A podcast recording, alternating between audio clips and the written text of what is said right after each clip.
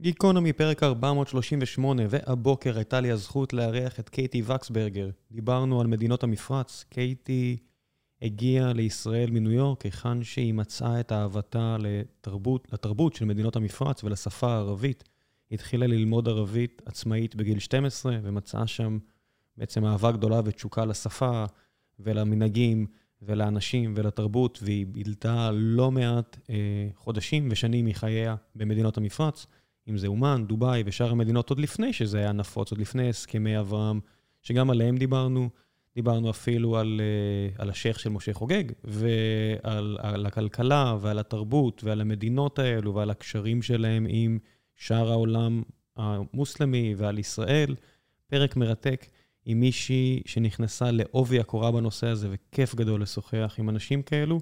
ולפני שנגיע לפרק, אני רוצה לספר לכם על נותני החסות שלנו. והפעם זה פודקאסט אחר, פודקאסט בשם זמן קנאביס, בו תוכלו לגלות את עולם הקנאביס הרפואי, ובו לינוי בר גפן, אחת מהאנשים שהכי נהניתי לשוחח עימן פה בגיקונומי, מדברת עם חוקרים, רופאים ורוקחים, אוספת טיפים של מומחים ועוד שלל נושאים מעניינים. הפודקאסט למעשה רק התחיל, וכרגע בספוטיפיי ישנם שני פרקים. שמתעסקים במדעי הקנאביס והיחסים בין צמח הקנאביס לגוף האדם, קצת על ההיסטוריה של הצמח, על המחקרים הקליניים והעדכניים ופורצי הדרך שהתחילו את כל העניין הזה של הקשר בין אותו צמח לרפואה מסוגים שונים.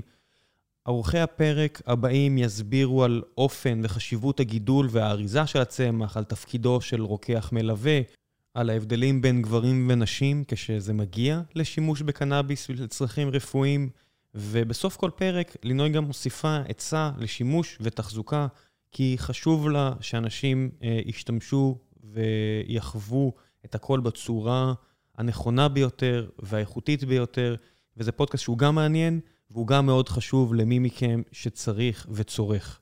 הפודקאסט נעשה בשיתוף עם Peace Naturals. ועכשיו לגיקונומי עם קייטי וקסברגר. מקווה שתהנו.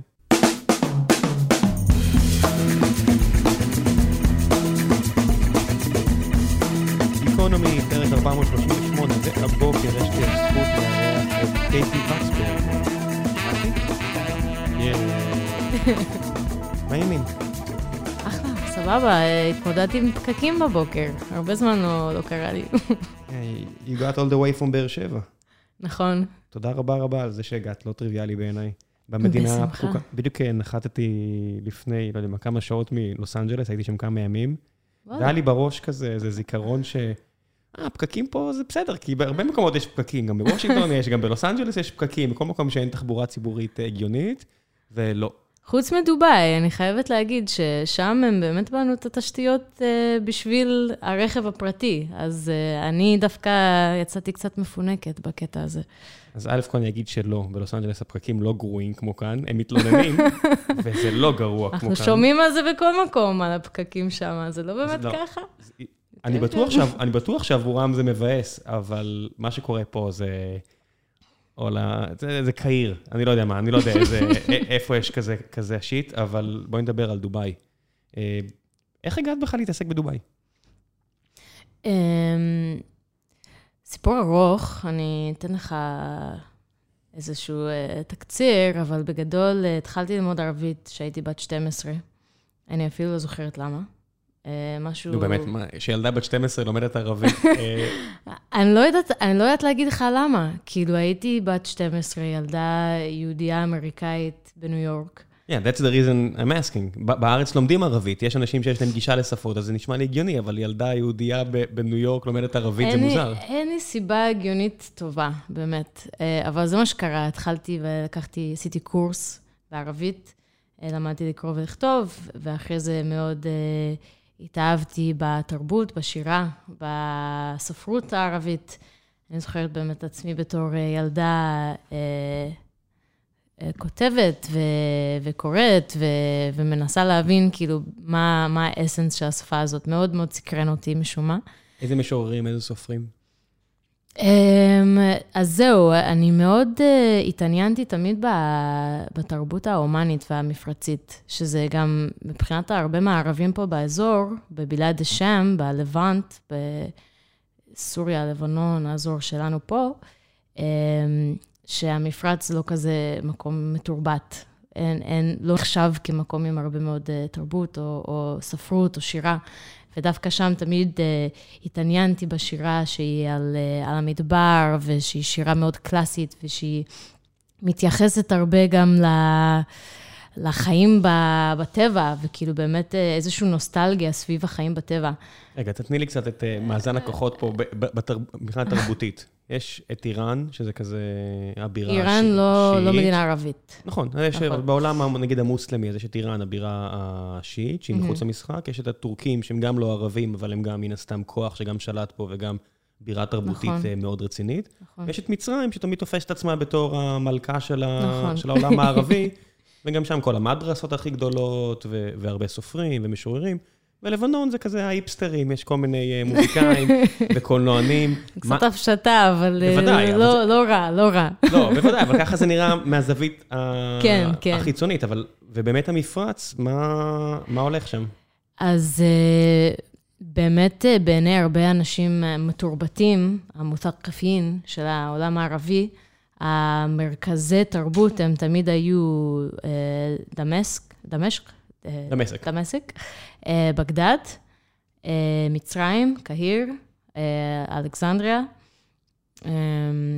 צפון אפריקה איזשהו, טוניס, מרוקו, והמפרץ תמיד קיבל קצת, היה קצת עולם תרבותי משלו. גם היה שם הרבה מאוד השפעה מהודו ומאפריקה. זה מדינות שהן לא היו תחת קולוניאליזם, הן לא היו תחת ההשפעה של, של המערב או של העות'מאנים. באותה צורה כמו הלבנט, או כמו מצרים, והתפתח שם תרבות שהיא גם ממש ממש מושפעת מהחיים במדבר ומהחיים של, ה, של הבדואים. אה, ערב הסעודית זה קצת סיפור אחר. לצורך העניין, ערב הסעודית זה המדינה היחידה בעולם הערבי ש...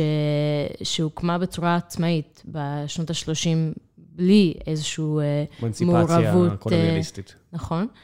ושם יש, בכל המדינות האלה יש תרבות עתיקה, ממש. יש אפילו באומן עיר, אחת הערים הכי עתיקות בעולם, שהיא לדעתי אה, בת 3,000 שנה, שיש כאלה שאומרים שבת שבע הייתה גרה שמה.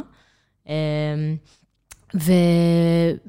ובאמת אה, התרבות והשירה והספרות שם היא הייתה מאוד אוראלית. כאילו, התרבות והמסורת של הכתיבה ושל הספרות הקלאסית שאנחנו רואים באמת בעיראק ובסוריה ובשאר מדינות ערב, הייתה פשוט קיימת בצורות אחרות שם, הרבה אה, במסורת האוראלית והרבה אה, אומסיה, שבאים ביחד, יושבים אנשים סביב המשורר, והמשורר נותן הופעה. אומסיה זה כאילו מלשון אם? זה מלשון לימוד הורי? לא יודעת. אני לא יודעת מה השורש של המילה הזאת. אוקיי. כן. רגע, כשאנחנו אומרים מדינות המפרץ, אנחנו מדברים פה על, הנסיכויות, פלוס תימן, מינוס סעודיה שאנחנו מחריגים אותה? אז מדינות המפרץ פורמלית, פוליטית היום, זה ה-GCC, The Gulf Cooperation Council, שזה האמירויות, קטר, בחריין, כווית, אומן וערב הסעודית. תימן לא נחשבת כמדינה מפרצית. יש לה עולם תוכן משלה. וגם uh, סיבות פוליטיות, גיאופוליטיות, שהיא באמת לא נכנסה לחבורה. Yeah, בכל מקום תמיד צוחקים על מי שיותר שחור, את יודעת, זה המצרים, שאת רואה אותם צוחקים לאורך ההיסטוריה על החבר'ה שהגיעו ממזרח אפריקה, ממה שנקרא uh, כוש, עד שהם כבשו אותם וזה היה שושלת פרעונית, ואז נכון.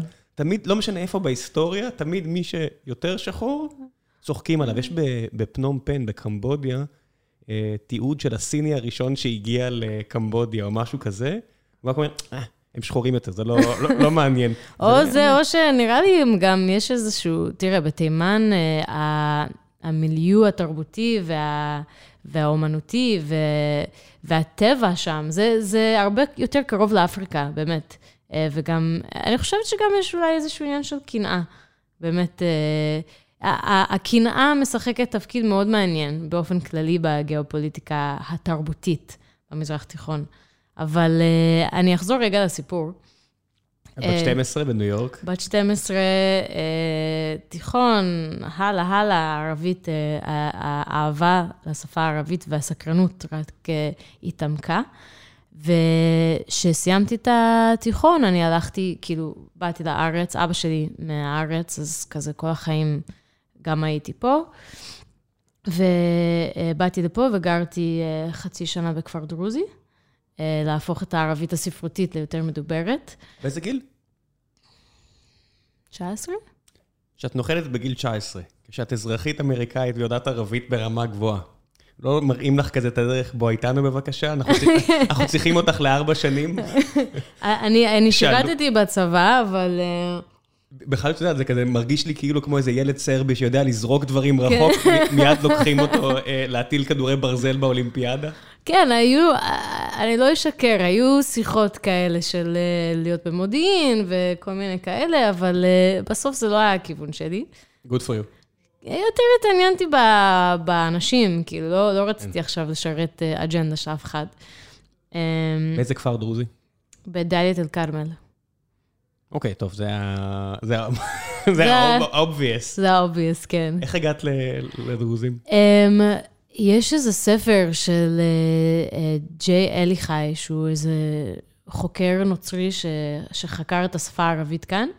והוא כתב ספר אה, לימוד ערבית ממש ממש מומלץ, Speaking Arabic, נראה לי קוראים לו, הוא גם עכשיו בעברית, והוא עשה הרבה מהמחקר שלו בדליה.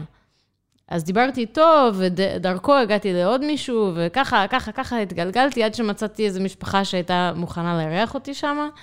אמ, וחייתי שם, למדתי את השפה, למדתי את התרבות, מלא צחוקים, מלא כיף, מלא חשיפה. אה, ואחרי זה התגייסתי לצבא. אה, בצבא אני לימדתי ערבית לקצינים ביחידה שלי. אה, ואחרי זה, כשהשתחררתי מצה"ל... רגע, רגע, מעניין אותי הפער. את יודעת, כל מי שאני מכיר שיודע ערבית טוב ומשרת במקומות כאלה בצה"ל, תמיד יש לו את כל הסיפורים האלה על ההבדלים בניבים בין, אתה יודע מה, ג'נין לשכם, לזה, לזה, את יודעת, אנשים אומרים ערבית, ואומרים, מה, שפה אחת למיליארד אנשים, או לא יודע כמה, וכשמדברים אנשי מודיעין, הם לא מדברים ברמה של מדינות, הם מדברים ברמה של חמישה קילומטר לכאן נכון. זה ערבית כזאת, חמישה קילומטר לשם זה ערבית אחרת. זה נכון, זה נכון. אם תשאל את החברים הערבים שלי, הם יגידו שהלהג'ה, המבטא שלי מאוד מעורבב. יש לי מילים ממצרים וקצת אה, מבטא דרוזי וקצת אה, מפרץ נכנס לשם. אה, אני מבדילה, אבל כאילו בדיבור הכל יוצא ככה בסלט. זה מבלבל אותם? זה בעיקר מצחיק אותם. כי זה ממש אמרות כאלה של ערבים מצרים לעומת... כן, כל מיני ערבובים כאלה שכנראה לא היית שומע אותם, אם זה לא היה איזה אחת לבנה שהלכה והביאה את השפה מכל מיני מקומות שונים. את יודעת להגיד מאיפה כל דבר? אה, כן, בגדול כן. פשוט שאני מדברת בצורה אינטימית, הכל, בצורה אה, אה, אינטואטיבית. הכל יוצא ככה ב... פשוט... בבליל. כן. אבל, אבל זהו, אז באמת היה מאוד מעניין להיות בארץ ולדבר את השפה פה וללמוד אותה מהאנשים שחיים פה. יצא לך להגיע לדובאי עוד לפני כל ההסכמים האחרונים? אז זהו, כשהשתחררתי מהצבא ב-2014, אני עשיתי את הטיול שלי, טיול אחרי צבא, כמו שעושים בהודו, עשיתי אותו במפרץ. אז uh, שמתי... God damn, זה, זה טיפה יותר יקר מאשר שאני טיילתי בלאוס וקמבודיה ווייטנאם. uh, תלוי איזה סוג של טיול. אני הייתי uh, חיילת משוחררת עם uh, 5,000 שקל, uh, משהו כזה. הייתי מוצ'ילה על הגב, uh, תפשתי טרמפים בשייח' זייד רוד, uh, ו... וטיילתי אה, כמעט חצי שנה במדינות המפרץ. עצרי, עצרי, פוס משחק, פוס משחק, מה קורה פה? חצי שנה לבד במדינות המפרץ? אז זה לא היה לגמרי לבד, חלק היו עם אנשים, חלק היה עם אבא שלי. יש ש... מטיילים אחרים באזורים האלה? מעט. Uh, מטיילים backpackers כאלה, יש uh, באומן, uh, שזו מדינה עם הרבה מאוד טבע והרבה מאוד תרבות של... בקפקינג וטרקינג וכאלה. וואלה. אה, שאר המדינות לא תמצא הרבה. כשהייתי בדובאי, אני ישנתי שם, זה היה ב-2014 ו-2015, והייתי שם, אה, היה שם הוסטל אחד. כן, נשמע לי הגיוני. היום יש כזה כל מיני, אבל היה שם אחד, הוסטל אחד, זה היה בדירה של מישהו, והיו שם עוד כמה בקפקרים שחוזרים מהמזרח, אה, אמריקאים ובריטים, ו... וזה לא מקום מאוד ידידותי למטיילים מהסוג הזה, זה נהיה עם הזמן קצת יותר, אבל כשאני הייתי שם, אה, אה, כן, זו הייתה חוויה מטורפת וגם קשה וגם אה, מלמדת ופוקחת עיניים. איך המקומיים מסתכלים על התרבות הזו של בקפקינג וטיולים? המקומיים, זאת אומרת, האמרתים או אנשים שחיים שם? כן, אני, אני, אנשים שהגיעו מהודו לעבוד, אני מניח ש... שאת מטיילת נראה להם מוזר. הם, הם מכירים כבר את השביל החומוס מהבית. כן, אני, אני מניח ש, ש, שעבורם זה פחות אה, משנה. אני מדבר על האמרתים. יש תרבות של תאילנים מאוד מפותחת באמירויות, כי זה מקום שהיא מאוד מרכזית. ואנשים טסים אה, פעמיים, שלושה כל שנה לחופשה. אז מאוד אוהבים לטייל, מאוד אה, רואים ערך בטיולים ולצאת החוצה ולהסתובב. התרבות של הבקפקינג זה קצת יותר זרה להם. אני, חי... אני אגיד אבל שהדור החדש הרבה יותר כמונו בקטע הזה. הרבה מהחברים האמרטים שלי כן יצא להם לישון בהוסטלים, או להסתובב עם אה, מוצ'ילה או כאלה, בעיקר באירופה. מי, קצת... מי זה אמרטים? אני תחת, תמיד הייתי תחת הרושם שאמרטים זה איזה חצי מיליון מיליון אנשים שהם כולם קשורים ל... ל-some kind of oil, או לא יודע מה, ויש להם עשרה מיליון הודים מסביבם שמשרתים אותם. זה כאילו הנושן בראש שלי. זה, זה הגיוני, למה תחשוב ככה? אמ, לא, זה לא, כי זה סתם בורות, אבל... אז זהו, אז, אז המדיה מראה לנו דברים מסוימים, כאילו, על המדינה הזאת, ו, וזה נכון שהאמרטים הם באמת מיעוט. הם מיעוט, אה, יש כאלה שיגידו שהם אפילו פחות מ-10% מהאוכלוסייה. המספרים הרשמיים, קשה יהיה למצוא אותם. אני חושב שהם מסתירים אותם מסיבות טובות. יש מצב. אבל, אה, אבל בתוך האוכלוסייה האמרתית יש הרבה מאוד גיוון, גם אה, אתנית, גם תרבותית, גם, אה, אה, מה המילה? שבטית. ו, ויש את האמרתים שהם, לצורך העניין, ממשפחת בן איאס, שהם מהמשפחה שהקימה את האמירויות.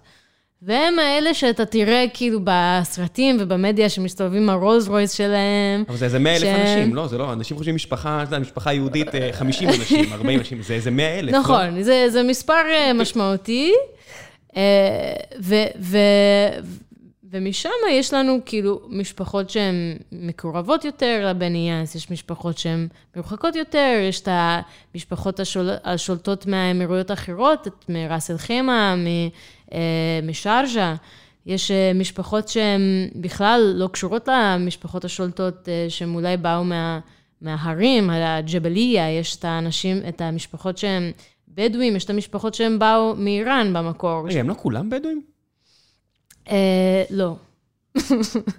יש, זאת ציוויליזציה שהיא עתיקה. זאת אומרת, דובאי, לפני שנות ה-70, זה עדיין היה שם מקום. כן, ש... שנות ה-70-60 ש... נמצא הגז והנפט, והם כן, מתפוצצים אז... קדימה, אבל מה היה לפני באמת? לפני זה היו שם trading uh, towns, כי היה שם מרכ... מרכזי מסחר uh, יחסית, uh, יחסית lively. Uh, uh, גם, ב, גם ב, באמירויות, גם בבחריין, גם בקטר, גם באומן, היו שם, כמו שאמרתי מקודם, סיביליזציות די עתיקות.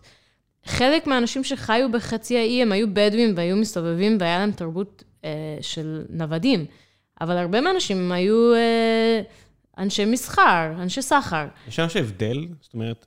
בתרבות? בדואים זה ערבים. זה ערבים מחצי ערב, שזה נעים, וכאילו גנטית זה, זה אותו עם. הם רואים את זה ממש הפרדה, זאת אומרת, מי שהוא בדואי, מסתובב בזה, הוא ממש יש עליו סימון, זאת אומרת, תרבותי, הם יודעים מי זה בדואי? בגדול כן, זה, זה קצת כמו פה, שיש לנו נגיד בדואים בצפון, שהם כבר לא מסתובבים עם uh, עדר, אבל הם נחשבים תרבותית כבדואים. עכשיו, כמו בני אדם בכל מקום, אנחנו אוהבים להפריד ולהגיד שהוא כזה ואני כזה. לא יודע, מבחוץ, אתה יודע, זה, זה הקטע, מי, מי מפריד? מי שבפנים. מי שבפנים. כשאני מסתכל, לא יודע מה, על משפחות ערביות ברמלה, אני לא יודע שאלה היו בדואים ואלה לא בדואים, זה אנשים ברמלה, ערבים נכון, ברמלה, נכון. אני מדבר איתם. הם, אני בטוח שכן יודעים. הם מבפנים, הם יודעים גם לפי השפה, גם לפי uh, השם משפחה, גם אולי דברים תרבותיים מסוימים. Um, זה, זה גם באמת איך שאנחנו נהיים יותר ויותר מודרניים, ההבדלים האלה הם מצטמצמים יותר ויותר, אבל uh, שמה יש הרבה מאוד... Uh, כאילו בתוך החברה אוהבים להגיד אה, מי שייך לאיזשהו חלק מהחברה, ואין לזה השפעות אה, חוקיות או לגליות כל כך. לא, לא חוקיות, אני מתכוון, אבל מתחתנים, בתוך החברה, אה, גם נגיד יכול להיות בעיות בנישואים. מותר? אה, להתחתן עם מישהו שהוא לא מהמשפחה או מה... מהקסטה, מהשבט שלך. תראה, פעם זה לא היה כזה מותר, היום זה יותר מותר. זאת אומרת, אני, I'll be blunt. מה הסיכוי שאם מישהי מתאהבת ומישהו משבט אחר, זה לא נגמר באיזה נקמת דם נוראית? נקמת דם לא, זה לא יקרה. אוקיי. זה, אנחנו כבר, we've moved on from that. אבל, אה, אבל, אבל כן יש מצב שיהיו בעיות מהחבר'ה המבוגרים יותר במשפחה. אה, שהם יותר old fashion? כן, יש לי חברות שיצא להן לצאת עם מישהו שהוא מאיזשהו רקע אחר והיו בעיות, אבל יש גם, זה גם תלוי במשפחה, זה כמו שהמשפחה שלי, כנראה לא יהיה להם אכפת אם אני אצא עם מישהו מזרחי. או עם מישהו אה, אתיופי, כל עוד שהוא יהודי, זה נגיד הקו האדום במשפחה שלי. אז אצלהם זה מוסלמים? פשוט כל עוד אתה מוסלמי... לא, אה, זה, זו כל משפחה זה משהו אחר. יש את המשפחות שהן קצת יותר מודרניות, יש את האלה שהן קצת, יותר, שהן קצת פחות. גם כל, אמיר, כל אמירט, נסיכות, every emirate, is, uh, יש רמות שונות של שמרנות. לצורך העניין, שארג'ה ידועה כ- כאמירט הכי שמרנית. שם אתה לא תמצא הרבה מאוד אה, התערבבויות בין השבטים. כמה שמרני זה אומר שאפילו אלכוהול לא יהיה ברחובות וכאלו? לא. אלכוהול לא, לא יהיה ברחובות באף מקום באיחוד האמירויות. אבל uh, בשארג'ה יהיה מה, ממש קשה למצוא איפה לשתות, לצורך העניין. אה, שאת אומרת לא ברחובות, זאת אומרת, כמו כזה ניו יורק, אתה יוצא עם אה, פלסטיק בג, עם אה, בראון בג. כן, משהו כזה. אבל uh, כן, שארג'ה מאוד שמרנית, אבו דאבי יחסית שמרנית, uh, תרבותית וחברתית. דובאי הכי uh, לא שמרנית. הרבה מהמשפחות בדובאי הם באמת um, נכנסו ל private sector. באבו דאבי רוב האמירתים הם מועסקים על ידי המדינה.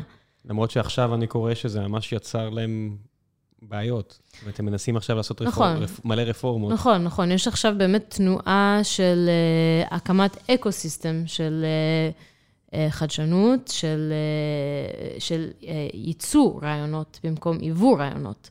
וזה זה לא רק שהם עשו טעות או זה, זה, זה, זה גם, הכלכלה העולמית השתנתה not in their favor. הנפט הופך ונהיה פחות ופחות רלוונטי, וכדי שהם ישמרו את, ה, את התפקיד שלהם כמובילי אה, כלכלה ומובילי אה, אה, תרבות וחברה במזרח התיכון, הם צריכים באמת אה, to, get, אה, to get updated מבחינה כלכלית ו, וליצור מצב שגם האוכלוסייה שלהם משתתפת בצורה אקטיבית. איך הם מסתכלים ב- על העולם החוצה? מה זאת אומרת? האנשים שם, הם מרגישים ש... יש להם כזה תסביך אה, רדיפה? הרבה ישראלים בטוחים, "אה, דופקים אותנו, האירופאים האלה דופקים אותנו, האמריקאים האלה, לא באמת, כל השטויות האלו. אז שמה, איך, איך היחס שלהם לעולם המוסלמי מסביב? זאת אומרת, איראן מצד אחד, טורקיה, אה, העולם המוסלמי הערבי. אה, זאת שאלה מאוד גדולה, אז אני אענה עליה ואנסה לענות עליה, אבל מצד אחד, האנשים באיחוד האמירויות, ולא רק, זה אותו דבר בכל מדינות שיש לה הרבה נפט ועושר, אה, רגילים לזה שבאים לדפוק להם על הדלת ולבקש קאש. עכשיו, אה, זה, זה יוצר תרבות עסקית שהיא מאוד אה, קשה, שהיא, יוצר, שהיא, שהיא דורשת בניית קשרים עמוקה. מאוד מאוד, אה, כל אחד שנכנס לפגישה עם מישהו אמרתי, יוצא ומרגיש שהפגישה הייתה טובה. תמיד. תמיד אתה תצא מפגישה עסקית, וואו, איזה גבר, כאילו, בדוק הולך לסגור עסקה. זה רוב הזמן לא המצב. It's like Americans. יש הרבה אה, השפעה אה, תרבותית עסקית מארצות הברית, אבל זה, זה גם חלק מהקטע שבאמת כל השנים האלה באים לחפש שם הון, ולא לחפש שם אה, שותפות. זה גם חלק מהקטע שכל כך מעניין במה שקורה עכשיו, שבאמת אה, יש הרבה מאוד ישראלים ש, שטסו לדובאי לבקש כסף והשקעות והון, אבל יש גם הרבה מאוד ישראלים שמחפשים את, ה, את הקשר ה, המשותף יותר, השותפות יותר. ו, ובנוגע לעולם הערבי, איך הם מסתכלים על העולם הערבי, אה, חשוב לזכור שאנחנו חיים במזרח תיכון היום, שרוב המדינות מרוסקות. תראה סביבנו את לבנון, סוריה, עזבי, אני אה, עיראק. אני מסתכל סביבם את תימן, שמרוסקת לחלוטין. תימן, אה, אלג'יר, מצרים גם.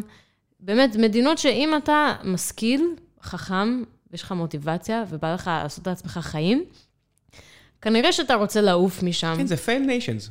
נכון, כולן, כל נכון. המדינות האלה, וכ- פלוס לבנון, נכון. פלוס, זה failed nations לגמרי. אז, אז כר, כרגע הם לגמרי failed nations, והאנשים שהם כמונו, אנשים uh, צעירים, משכילים, רוצים uh, חיים בשביל עצמם, אם הם לא ייסעו לאירופה או לארה"ב או קנדה, uh, הם כנראה הגיעו ל-UAE. זה, זה המקום ש, שרוב האנשים יחפשו שם הזדמנויות עסקיות, וגם מעבר, גם תרבותיות וחברתיות ו, והשכלה גבוהה. ויצר, ב, כאילו, there's a hub there. ההאב הזה הוא כל הזמן, הוא מאוד מאוד דינמי, והוא כל הזמן מגדיר את עצמו מחדש. לפי האוכלוסיות שנכנסות, לפי הטרנדים הבינלאומיים, לפי הכלכלה, לפי מי שיושב ב White House בארצות הברית.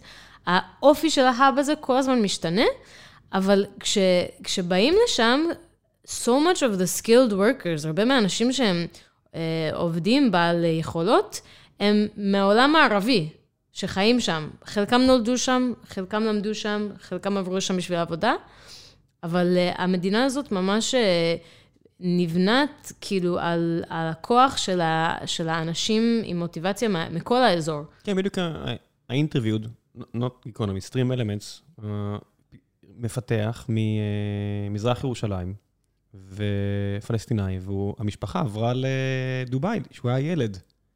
והוא, בלי לציין שמות, אני לא רוצה להפיל אותו, אבל הוא, הוא חזר למזרח ירושלים, וזה כזה קצת הרגיש כמו יהודים ישראלים שטסים לארה"ב כילדים, כי אימא מצאה עבודה, או אבא מצא עבודה שם, והם חוזרים, והפער התרבותי זה כזה... זה כזה- מאוד דומה, זה- מאוד דומה, כן. ישראל, לא משנה אם אתה ערבי, יהודי, לא משנה מה, כולנו קצת משוגעים. אז כן. לבית ספר יש הרבה יותר מכות, הכל יותר מלוכלך, וכשהוא סיפר לי על הילדות שלו, זה ממש הזכיר לי סיפורים של אנשים שחזרו מהוואלי, והילדים אומרים, what the fuck, everybody's animals. כן, אני מכירה הרבה מאוד uh, פלסטינאים מפה, ש, שחיו איזושהי תקופה שלהם ב-UAE. זה מאוד נפוץ. זה, זה גם לא רק הפלסטינאים, זה גם המצרים, זה גם הירדנים, זה גם הצפון אפריקאים, מרוקאים, אה, לובים. זה, זה מקום שהוא מקור של הרבה מאוד אה, ניסיון מקצועי, שאנשים הולכים ומחפשים מקום, ו, ויותר מזה, גם remittances, אני לא יודעת איך אומרים את זה בעברית, כאילו, הכסף שמגיע מבחוץ לתוך הכלכלה ה- המקומית, ה-remittances שמגיעים מה-UAE לכל כך הרבה מדינות כאן, היא, היא חלק משמעותי. כן, זה לא רק נפט וגז, בדובאי יש חברת התעופה מהטובות בעולם, שזה... סחר. כן, זה אין סחר. נפט וגז בדובאי. נפט יש וגז גז. יש ב... יש, יש לדובאי פחות יש גז גז. מלישראל. נכון, אבל הנפט באבו דאבי. כן. ו- וזה לא לגמרי נפרד, אבל זה שתי כלכלות שהן מתפקדות בצורות מאוד מאוד שונות. לצורך העניין, אה, דובאי בצור... בשלבים מאוד מוקדמים הבינה שהיא היא צריכה להפוך את עצמה למרכז מסחרי. מאוד דומה למודל של סינגפור באיזשהו מקום. ישבתי באיזה כנס עם אה, אחד האנשים הכי בכירים בחברת תעופה של דובאי. אני, אני פה נזהר מפרטים, כי כדי לא, לא להפיל מישהו, גם אם זה בעברית אנחנו מדברים.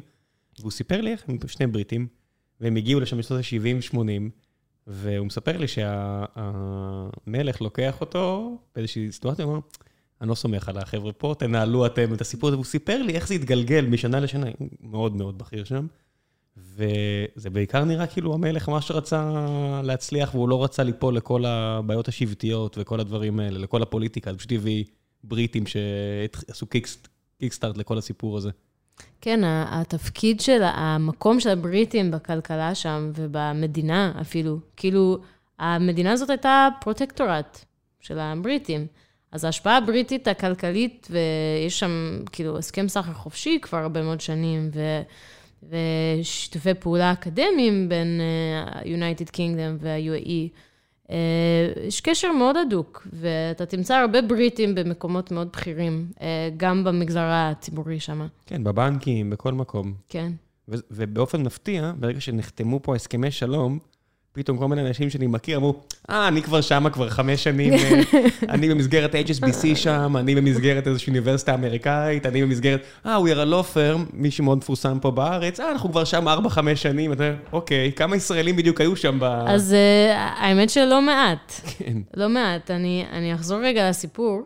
אז אחרי שטיילתי שם, בתור uh, סתם תיילנית, um, חזרתי כמה שנים אחרי זה ועשיתי את התואר ראשון, את התואר שני. בנושא של uh, social innovation וחשיבה ביקורתית, בהשוואה בין אומן ל-UAE, וביליתי שם הרבה מאוד זמן ב- בלחקור באמת איך רעיונות חדשים נכנסים לחברה הזאת. כאילו, מה זה אומר עכשיו מישהו רוצה לעשות משהו שונה שם? מה קורה? איך זה נראה? איך הוא מכניס את הרעיון הזה? Um, וככה באמת גיליתי את הכוח של ה-private sector, ב- ב- לא רק ב-UAE ובאומן ובמפרץ, אלא בהרבה מאוד מדינות שה, שהסטרוקטורות החברתיות, התרבותיות, הן מנוהלות בצורה מוכוונת, כדי להחזיק איזשהו מבנה אה, היררכית או מבנה אה, פוליטית. והרעיונות החדשים והחדשנות התרבותית, החברתית, הרבה מגיע מה, מהעולם של החדשנות העסקית. קצת כמו סין. לא, לא רחוק. דומה, דומה גם לסין. אבל באמת, אה, זה, זה גם חברות שהן הרבה יותר קטנות.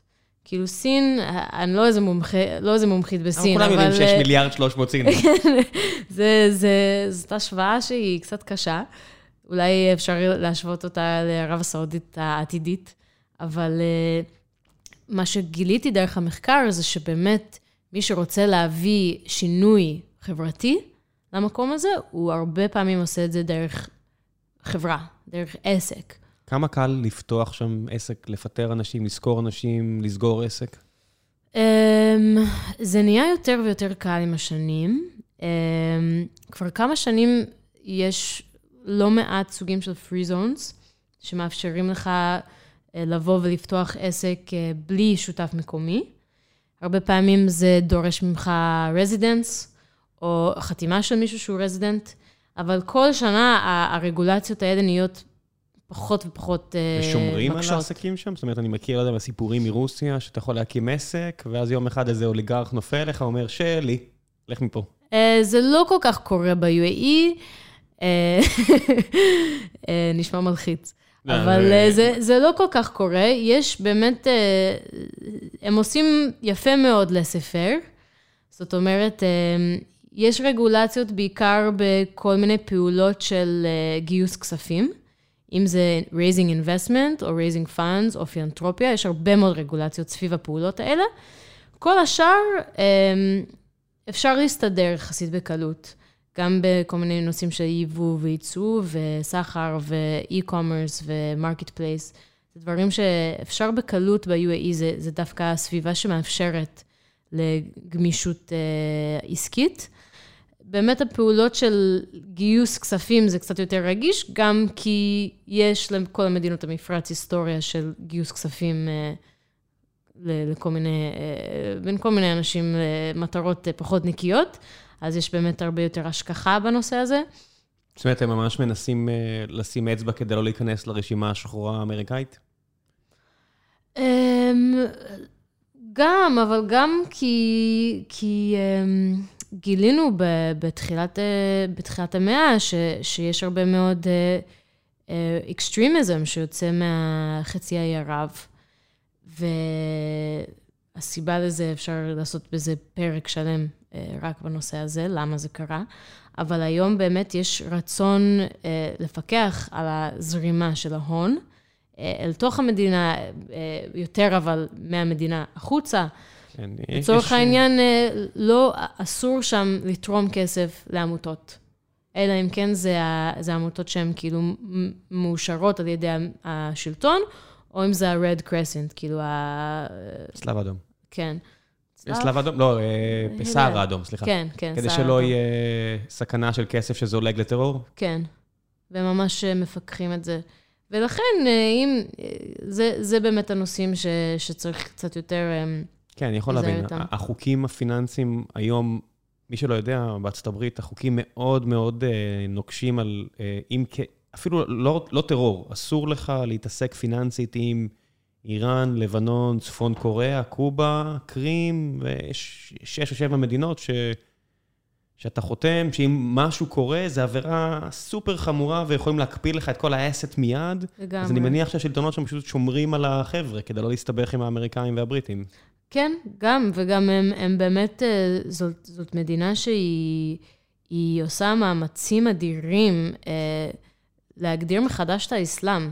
להגדיר אסלאם שהיא ליברלית יותר, שהיא פתוחה, שהיא מערבית יותר. לצורך העניין, דוגמה ממש טובה, המלצה למאזינים. מאזינות אולי יותר. מאזינות. למה? כי אני לא יודע, נראה לי שזה דברים הרבה יותר רגישים אה, כשמגיעים לטייל שם כ... כנשים, יותר לדעת... אה, בסוף אה, מדינות יותר שמרניות, תמיד, לא משנה, באופן כללי, איזה דוד יותר קל, אבל מדינות יותר שמרניות, נראה לי כדודט זה יותר... זה נכון, למרות שב-UAE מאוד uh, שמחים לראות נשים עכשיו בעולם העסקים, אבל דווקא באתי להמליץ על ספר של עומר סייף רובש, שהוא אחד הפוליטיקאים, הוא היה Minister of State of Culture ב-UAE, um, והוא כתב ספר Letters to a Young Muslim, מכתבים למוסלמי צעיר, והוא ממש מדבר על כאילו כל החלקים באסלאם, ש... יכולים, אה, אנחנו יכולים לפרש אותם כאקסטרים או כאלימים, והוא נותן להם פרשנות אחרת. וזה ממש דוגמה טובה לאיך שהמדינה הזאת ממש לוקחת צעדים אה, ומשקיעה הרבה מאוד מאמצים ליצור אסלאם שהיא מתונה. זה, זה, הוא אימאם? לא. זאת אומרת, הוא... איש עסקים, פוליטיקאי. איש עסקים שלוקח על עצמו להגדיר מחדש את האסלאם? כן, זה ספר שהוא בעצם כותב אה, מכתבים לבנים שלו. על אה, כל מיני, אולי בטח שמעת, יא אבני, על אה, החוק, הזכויות של האישה באסלאם. מה יש לי להגיד על זה? ואז הוא קצת מדבר כמו, כמו בן אדם מאוד מודרני, שהוא חלק מה, מהעולם שלנו, הנוכחי, והוא מדבר על הטייק שלו על האסלאם, שהוא מאוד מתון ומאוד uh, פתוח ודווקא מאוד יצירתי, ו... איך מישהו כזה לא חי בפחד שהחבר'ה הפחות מתונים לא... כי הוא חי במדינה ש... שמעודדת שיח כזה.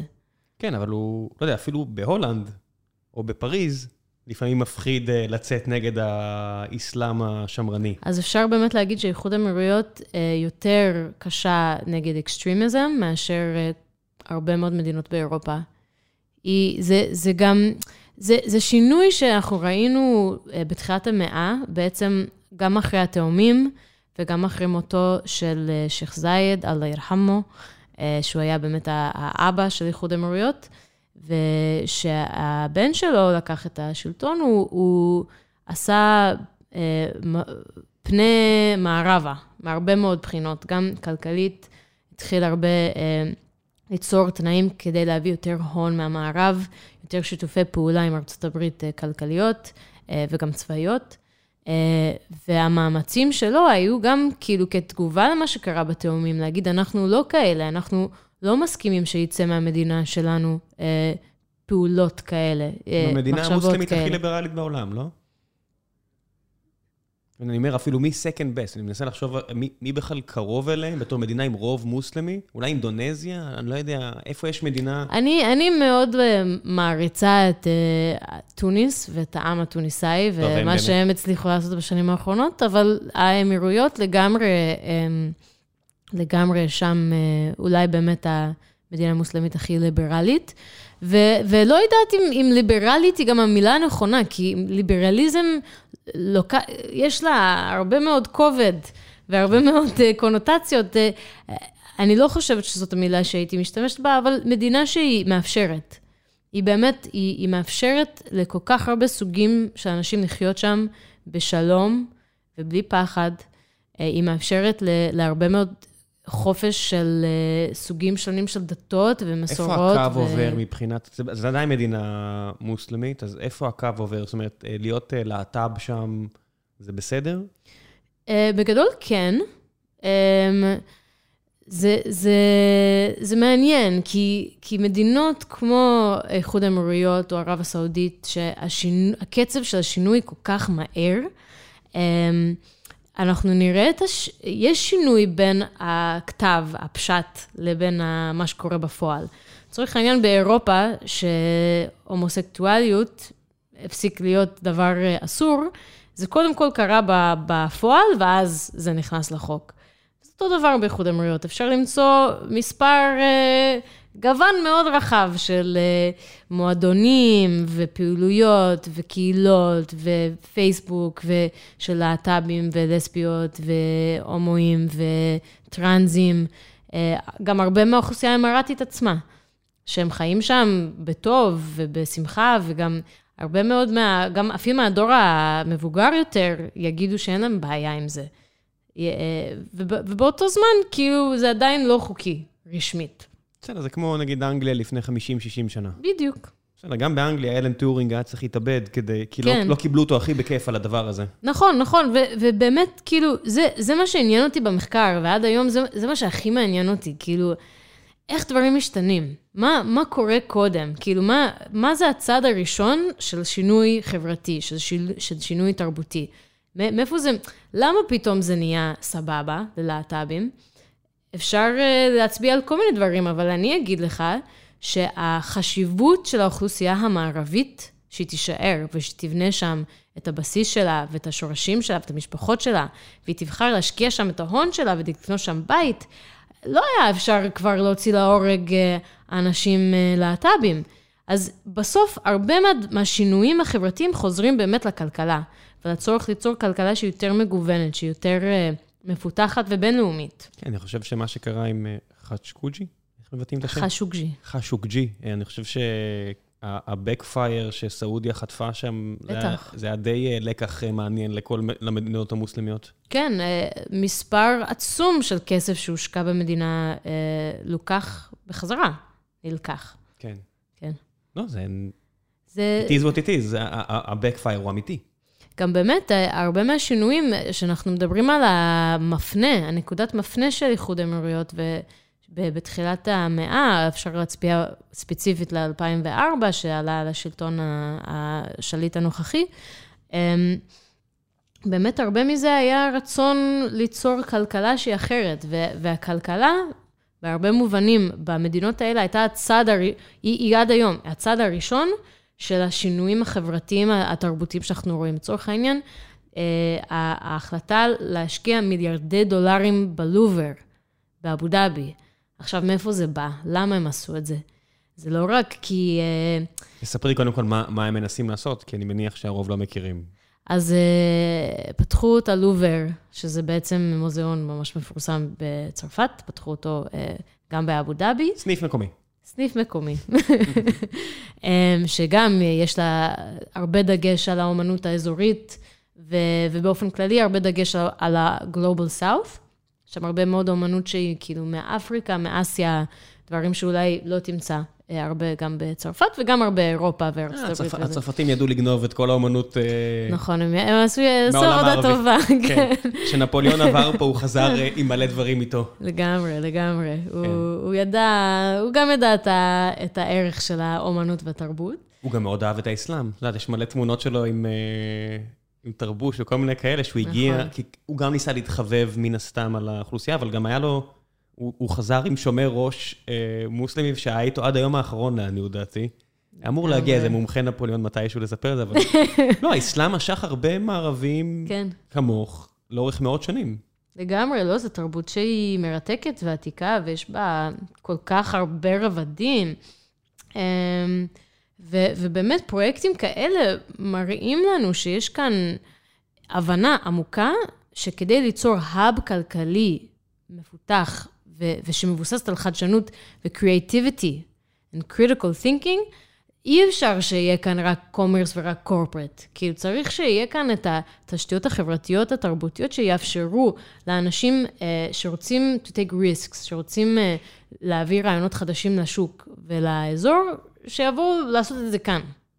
לעשות את זה במקום שגם יהיה להם כיף לחיות שם, ויהיה להם חברה, ויהיה להם... Uh, אז בואו נדבר מעט באמת על האקסלרטור ועל מה שאת מנסה לעשות uh, בנושאים האלו. איך, איך הרעיון, איך זה התחיל להתגלגל? Um, אז בגדול, ב- למשך כל המחקר שעשיתי שם, באמת חיפשתי את, ה, את הדרכים ש, שבהם אפשר אה, להביא רעיונות חדשים ו, ותנועות חדשות ו, וכל מיני אה, חידושים באמת לאזור, ו, ו, ובאמת כאילו להשתמש במקום הזה כ-launch pad לקונספטס חדשים. Um, ובזמן המחקר יצא לי להכיר הרבה מאוד אנשים שהם באמת בעולם החדשנות. Uh, וגם בזמן שהייתי חיה שם והייתי מסתובבת שם, לאט לאט גילו שאני ישראלית. עכשיו, לא, לא הייתי מפרסמת את זה uh, באיזשהו מקום, אבל היו לי חברויות מאוד עמוקות uh, כל השנים שאני שם מסתובבת. לפני ההסכם שלו ממש הסתרת את זה?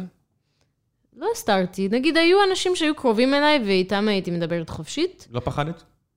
לא. Um, בגדול לא.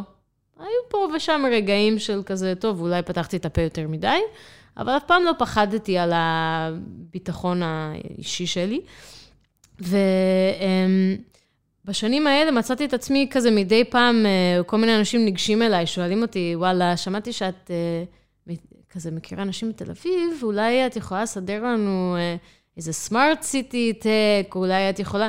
מצאתי את עצמי כזה לאט לאט נכנסת גם לעולמות של העסקים, וזה לא, זה, זה היה גם מאוד דומה לדברים שחקרתי במאסטר. ו- והסינרגיה הזאת, כאילו, בין החדשנות החברתית לחדשנות העסקית, מאוד סקרן אותי, ומצאתי את עצמי מעורבת בכל מיני פרויקטים, חלקם ממשלתיים וחלקם של המגזר הפרטי, וגם התחלתי לעשות ייעוץ לכל מיני חברות כאן שרוצים להיכנס לשווקים של המינה, של המזרח תיכון, שזה שווקים שהם משנה לשנה גדלים ומשתכללים. ואחרי האברהם אקורדס, אחרי הסכמי אברהם, חיברתי, הוחברתי, whatever. I, I was connected to, uh, שני ה-co-founderיות שלי, uh, זאדה חאג' ושירי שחר, שהתחלנו uh, את הפרויקט הזה שקוראים לו דנה, שזה בעצם אקסלרטור ל-Women-led Startups from the region, שמתעסקות ב-Desert Tech, שזה Ag-Tech, Food Tech, uh, Water Solutions, אנרגיה מתחדשת ו-Waste Management. מה לגבי Smart Cities? Uh, אם... Uh, אם, אם הסטארט-אפ מביאה איזשהו פתרון לאתגרים של הסביבה המדברית, אז היא רלוונטית לנו. עכשיו, דנה זה על שם דנה סאלח, שהייתה השותפה של זאדה, ה-co-founderית שלי. היה להם ביחד סטארט-אפ, דנה הייתה יזמית מהנדסת מרמאללה, והיה להם ביחד סטארט-אפ של איזה שנה, כבר גייסו, כבר היו זה, ודנה נהרגה בתאונת דרכים. באוגוסט שנה שעברה, בדיוק איך שהיה את ההסכמי אברהם. ואיך שפגשתי את זאדי, היא אמרה לי שהיא ושירי, שהייתה המנטורית שלה, רוצות עכשיו להקים אקסלרטור על שם דנה, והאם אני רוצה להיכנס איתם כשותפה ולעשות את זה באיחוד האמירויות. כשחזרתי לדובאי, אני דיברתי עם כמה, כמה אנשים על הרעיון הזה, וקלטתי שהעניין, ההתעניינות בנשים יזמיות ספציפית, מטורף. זאת אומרת, מה החוק שלכם? לפחות co-founderית אחת? co-founderית או CEO. כן. ב...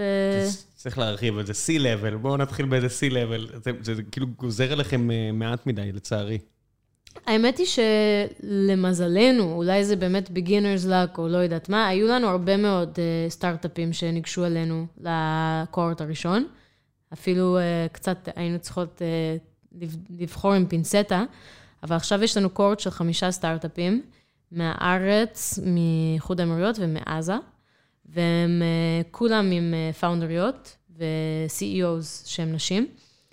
וזה ממש הרפתקה, באמת, ההתעניינות והרצון לקדם נשים בעולמות של יזמות וחדשנות, לא רק ב-UAE, אבל ספציפית ב-UAE, מאוד מאפשר לנו כרגע לרכב על איזשהו גל של Women Empowerment, יחד עם ההסכמי אברהם, יחד עם בכלל הצמיחה המטורפת של כמות הון שהושקע כרגע בסטארט-אפים במזרח התיכון, שעלה ברבע ממה שהוא היה ב-2019 ל-2020, הגיע בפעם הראשונה לנראה מיליארד דולר שהושקע בסטארט-אפים במזרח התיכון. באמת אה, אנחנו רוכבות על איזשהו גל שהוא גם לוקח בחשבון את, ה, את ההזדמנות העסקית, זה לא רק טרנד. כי יש כאן באמת הזדמנות עסקית של אה, צורך ב food security, כאילו איזשהו שוק שכל המדינות האלה חטפו בקורונה, שהם לא יכולים אה, רק להסתמך כן, על יבוא. כן, תכף מגיע, אחד הפרקים, אני חושב עוד חודש או עוד חודשיים, מגיע יזם אה, מאום אל-פחם, שעשה בדיוק את זה, הוא נתקע בבית. ראה שאובר לא, Uber Eats אין לו, לא יודע מה, מה עוד, יש פה וולט וכל הדברים האלה לא עובדים שם כמו שצריך, אז הוא הלך להקים בעצמו, וכיוון שהוא Arab first, אם אני לא טועה, ואני אדבר איתו על זה בפרק, אני חושב שכאילו UAE זה... אז זהו, אז באמת ה e-commerce ו-last mile delivery וכל אלה, זה, זה, זה על גבול הרווי שם, זה, זה באמת... כמו בכל מקום. כמו בכל מקום, אבל עוד יותר שם באמת, כי הנושא של ה-addressless, addresses, זה, זה אתגר שהרבה מאוד אנשים מנסים להתייחס אליהם, במיוחד היה את פצ'ר, אה, שהיה, גייסו 100 מיליון. אה, באמת, בכל הנושא הזה של איך אני מגיע בסוף לבית שאין לו כתובת. איזה חוויה מתסכל זה בשביל רוב המזרח תיכון, שמישהו מתקשר לך עשר, עשר, עשר הוא, פעמים. הוא אמר לי שזה, מה זה רוב המזרח התיכון? פה בארץ, ביישובים ערבים... נכון, יש לנו גם מזרח תיכון פה. כן, כשאת מגיעה לנצרת או לאום אל-פחם, ואת צריכה להגיע, לדקור נקודה, להגיע לבית מסוים, את אומרת, וואו, מה קרה פה? מדינת ישראל שכחה שגרים פה גם אנשים לא בתל אביב. נכון, נכון. ממש על הפנים. כן, אז יש הרבה פתרונות לזה באמת כבר uh, בעולם הערבי מחוץ. Uh, אני חושבת שזה משהו שלגמרי צריך גם פה. לא, הדוד שאני מדבר עליו הוא דוקטור למדעי המחשב מגוגל לשעבר, אז mm. אם מישהו יכול לתת בראש שם, אני חושב ש... שיש לו סיכוי טוב. לחלוטין, לחלוטין. זה גם, זה גם לגמרי משהו שיש לנו כ ecosystem לתת אה, ל ecosystem שם, ובאופן כללי לשוק המזרח תיכוני. יש לנו פה כל כך הרבה אנשים שיש להם מגע בעולם החדשנות. שמכירים אנשים עם סטארט-אפ, שהיה להם סטארט-אפ, אולי נכשל, אולי לא, שהשקיעו בסטארט-אפ. עזבי, ש... זה עוד לקוחות, אתה יודע, אני חושב, לא יודע מה, עינת מ Papaya Group, זה עוד, זה עוד שוק, או נכון. לילך מלילי, אה, שיש להם סטארט-אפ גם של מאות מיליוני דולרים כבר, זה עוד שוק. נכון. בסוף עוד, זה מיליארד אנשים שאחרת קשה להגיע אליהם. כן. זה כמו לשים דריסת רגל בסין, אנחנו עכשיו, אה, פעם, בחברה שלנו, עכשיו פעם ראשונה עובדים עם, עם קהל סיני, אז אנחנו צריכים אני צריך סינים. לא יעזור נכון. כלום, אני לא יכול לנחש את הדברים האלה. לגמרי, לגמרי. מה שכן, אבל זה שוק שהוא מתפתח בצורה מאוד מהר, אבל יש שם עדיין בעיקר פוטנציאל. כאילו, לצורך העניין, אה, אחד האקזיטים הראשונים שיצא מהמזרח התיכון זה היה מכתוב, שהם מכרו ליהו ב-2009 לדעתי. אמ, שבעצם, אה, אני פשוט לא רואה אותך. אני יודע, אני יודע, אני מנסה את זה, אז עכשיו פעם ראשונה שאני מנסה את זה, ואם זה יעבור טוב, אני אביא עוד אחד כזה, כן. אה, בסדר. כן, לא, לא. מסתכלת פה על המיקרופון. אני יודע, אני יודע. אוקיי, אנחנו מדברים על זה שהמיקרופון... אה, יושב לי באמצע הפנים. יושב לי באמצע הפנים, כן, צריך להתרגל לזה. כן, בטח אתם מדמיינים, יושבים בבית קפה, יש לי מיקרופון באמצע הפרצוף. ממש מול האף שלה יש מיקרופון. אמ, אז מכתוב שהם התחילו באמת, הם מדיה פלטפורם. אה, שהם התחילו, רוב, רוב המזרח תיכון לא היה להם גישה לאינטרנט. וכמה שנים לפני האקזיט, המספרים של אנשים שמשתמשים באינטרנט שוכפלו, ורק בגלל זה הם באמת הצליחו uh, to scale. והיום התחומים שלנו, לצורך העניין, של ה agtech, של הפולטק, יש שם בעיקר פוטנציאל. אני אומרת את זה כי יש שם אוכלוסייה ענקית, יש שם אוכלוסייה ש... שאוהבת לצרוך, שהיא אוהבת uh, להיות חלק מהטרנדים העולמיים, אבל הרבה מהדברים הכי בסיסיים שמאפשר לצרכן להיות צרכן, הם עדיין לא שמה. יש לי גם בעיה שהטמפרטורה עולה. זאת אומרת, זה שב, ש... לגמרי. שבסן פרנסיסקו, יש, יש לי איזה אה, מישהי שעובדת איתי פה, אז אני רואה אותה כאילו מזיעה, אני אומר, מה קרה? אומרת, we have a heat day. ואין, ואין להם עדיין מזגנים, כמו שצריך, לפחות אצלה לא. וואו. ובמפרץ, ימים של 50 מעלות, 45 מעלות. קשוח, That's the קשוח, norm. נכון. אז, אז אגריקולצ'רל טק וכל הדברים האלו, זה לא רק משהו נחמד, זה, זה הולך להיות necessity. בדיוק, זה הולך להיות necessity, וגם מי, ש, מי שבונה את האסטרטגיה שלו נכון וחכם, לוקח בחשבון גם את השינויים שקורים באקלים. לצורך העניין, יש לנו סטארט-אפ מאבו דאבי שעושה אה, קומפוסט מסוים, שהוא במיוחד לסוג של האדמה שיש באבו דאבי, שהוא מלא בחול ומלח. כמעט ואי אפשר לגדל שם כלום. כן, זו הסיבה שאף פעם לא היה שם המון אנשים. זה לא אדמה פוריה במיוחד. נכון. בסדר, אה, יש סיבה נכון. שפה היו הרבה יותר אנשים. לגמרי, לגמרי, זה, זה דברים אה, ש, שקשה, אי אפשר לשנות עכשיו את האקלים שם, אבל כן לא, אפשר לשנות נקודה. את ה... יש את השיטות השונות, וגם יש שם אה, חקלאות שהיא גם עתיקה. חקלאות לא חדשה שם לחלוטין, יש שם גם כל מיני indigenous plants, יש גם indigenous methods. אנחנו יותר, אה, אנחנו יותר בקטע של טכנולוגיה, אבל מי שחכם, או חכמה במקרה שלנו, יודעת לשלב, כאילו, גם את מה שיש שם, ואת החוכמה שפיתחו גם שמה, יחד עם הטכנולוגיה מה הם החדשה. אוכלים? יש להם אוכל מיוחד? מה זאת אומרת? אוכל מקומי? לא רק צורות בישול, לא קוויזין, זאת אומרת, יש ממש, אה, זאת אומרת, פלנטס שאין במקומות אחרים? שהם יותר- שהם יותר אוהבים, שיותר אה, מקומי, תבלינים שהם יותר מקומיים? ה- הפלנס הת- המקומיים שהם הכי מוצלחים שם זה תמרים, כי תמרים גם גדלים עם מי מלח. אמ, אבל יש שם גם קוויזין, כאילו, אם תלך פעם לאכול אוכל אמרתי אסלי, אתה תאכל הרבה מאוד קמח, אה, כמו תימנים. קמח, תמרים, חלב עיזים, ו- וגם דגים. דגים היה חלק ממש גדול. אם אני מגיע לדאלית אל כרמל או לעוספיא, אז ממש, הממולאים זה ממש העלים שהם כתבו, נכון. שעושים להם עכשיו צרות על זה, כי לא נותנים להם לקטוף, אבל זה ממש העלים שהם כתבו על ההר. כן, דליה זה, זה העלים של הגפן. אני יודע, אני, אני, אני מת על זה. זאת אומרת, כל ממולא אחר, כל עלי גפן אחר, או כל כרוב אחר, הוא לא בטעם הזה. נכון. זה טעם מאוד מיוחד. כן, זה טעם המקומי. כן. אז בגלל אז- זה אני שואל אם יש להם כאלה משלהם. החקלאות שם, יש, יש כל מיני דברים שהם מקומיים, יש גם הרבה מאוד אה, סוגים של קקטוסים כאלה וסוקולנטים. אה, יש איזו סטארט-אפיסטית שהכרנו שהיא עושה אה, קוסמטיקה מהצמחים המקומיים, שהם, יש להם כל מיני סגולות כאלה. יש שם כל מיני דברים עם סגולות. אם זה יעבוד רב, רבלון, ישתו לה את זה תוך שנייה, ככה זה. בטוח, לא, גם כן. באמת הטרנדים של ה-sustainability עכשיו, ושל האימפקט, זה דברים שהם, אה, זו, זאת הזדמנות. כאילו, מי שיודעת באמת לנצל את מה שיש לה, לסביבה המקומית להציע, אה, היא, היא זוכה. גם, גם, היא גם חלק מהטרנד של ה-impact investment ו-impact innovation עכשיו, שבאמת אה, שם דגש על... על אה, הצורך של השקעות ו innovation לא רק אה, להיות רווחי אה, כספית, אלא גם לתת חזרה לחברה ולפלנטה. אה, וזה משהו שאנחנו ממש שמות עליו דגש בדנה, ש, שגם אה, לנו יש את ה impact strategy שלנו, שהוא מראה למה הפעילות שלנו היא לא רק רווחית אה, כספית, אלא גם כאילו ממש נותנת הזדמנויות. impact investment. כן, we like impact investment. כן, לא ידעתי בכלל שדנה זה שם ערבי עד לאחרונה. זאת אומרת שיש ערביות בשם דנה, אז גיליתי את זה ממש לאחרונה. זה, זה לא רק שם ערבי, זה, זה שם אה, מאוד אה, פופולרי במפרץ. האמת שדנה, ש, שעל שמה החברה, ההורים שלה קראו לה ככה אחרי שהם חזרו מדובאי. איך מבטאים את זה בערבית? איך כותבים את זה? לא, איך, אם עכשיו דנה. דנה, כן, זה כאילו עם אלף. הבנתי. דנה. הבנתי. כי, כן. כי מישהו לא ישראלי שראה את השם שלי, אמר, אה, הייתי בטוח שרים זה שם רק של ערביות. כי הוא מכיר מלא ערביות בשם רים. רים, כן. אז אני ראם, כי. אתה לא שם צ'ופצ'יק בין האיז. עזבי, גם אם אני שם את האפוסטרפי, זה גם, אז Mm. ניסיתי את זה, וגם אז הם אמרו לי שהם פגשו ערביות שנקראות ראם. Mm. אז אין שום... אה, אז הם, הופתעו שזה שם עברי.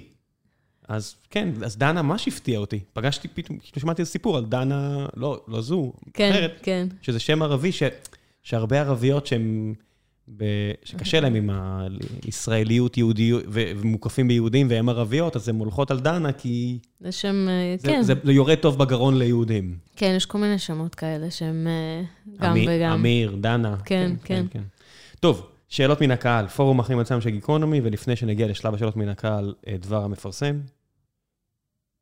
היי חבר'ה, לפני שנחזור לשלב השאלות מן הקהל, לקייטי, אני רוצה לספר לכם על נותני החסות הנוספים שלנו, והפעם זה עוד פודקאסט. והפודקאסט הפעם שעליו אני רוצה להמליץ לכם נקרא The Insiders. משרד עורכי הדין שיבולת הוא אחד המשרדים המובילים בישראל בתחום התאגידי-מסחרי הבינלאומי. תחת קורת גג אחת, קרוב ל-300 עורכי דין מספקים שירותים משפטיים מגוונים ליזמים, סטארט-אפים בתחילת דרכם, או כאלה שזה כבר האקזיט השני והשלישי שלהם, היום כבר אי אפשר לדעת, יש כמה יזמים סופר מוכשרים, בדיוק שמענו לאחרונה על אה, מיקי בודאי, שהחברה שלו, טרנסמיט, הולך ליופי טופי ועשתה את אחד הגיוסים הגדולים בהיסטוריה של ישראל, יצא לי להכיר אותם מקרוב.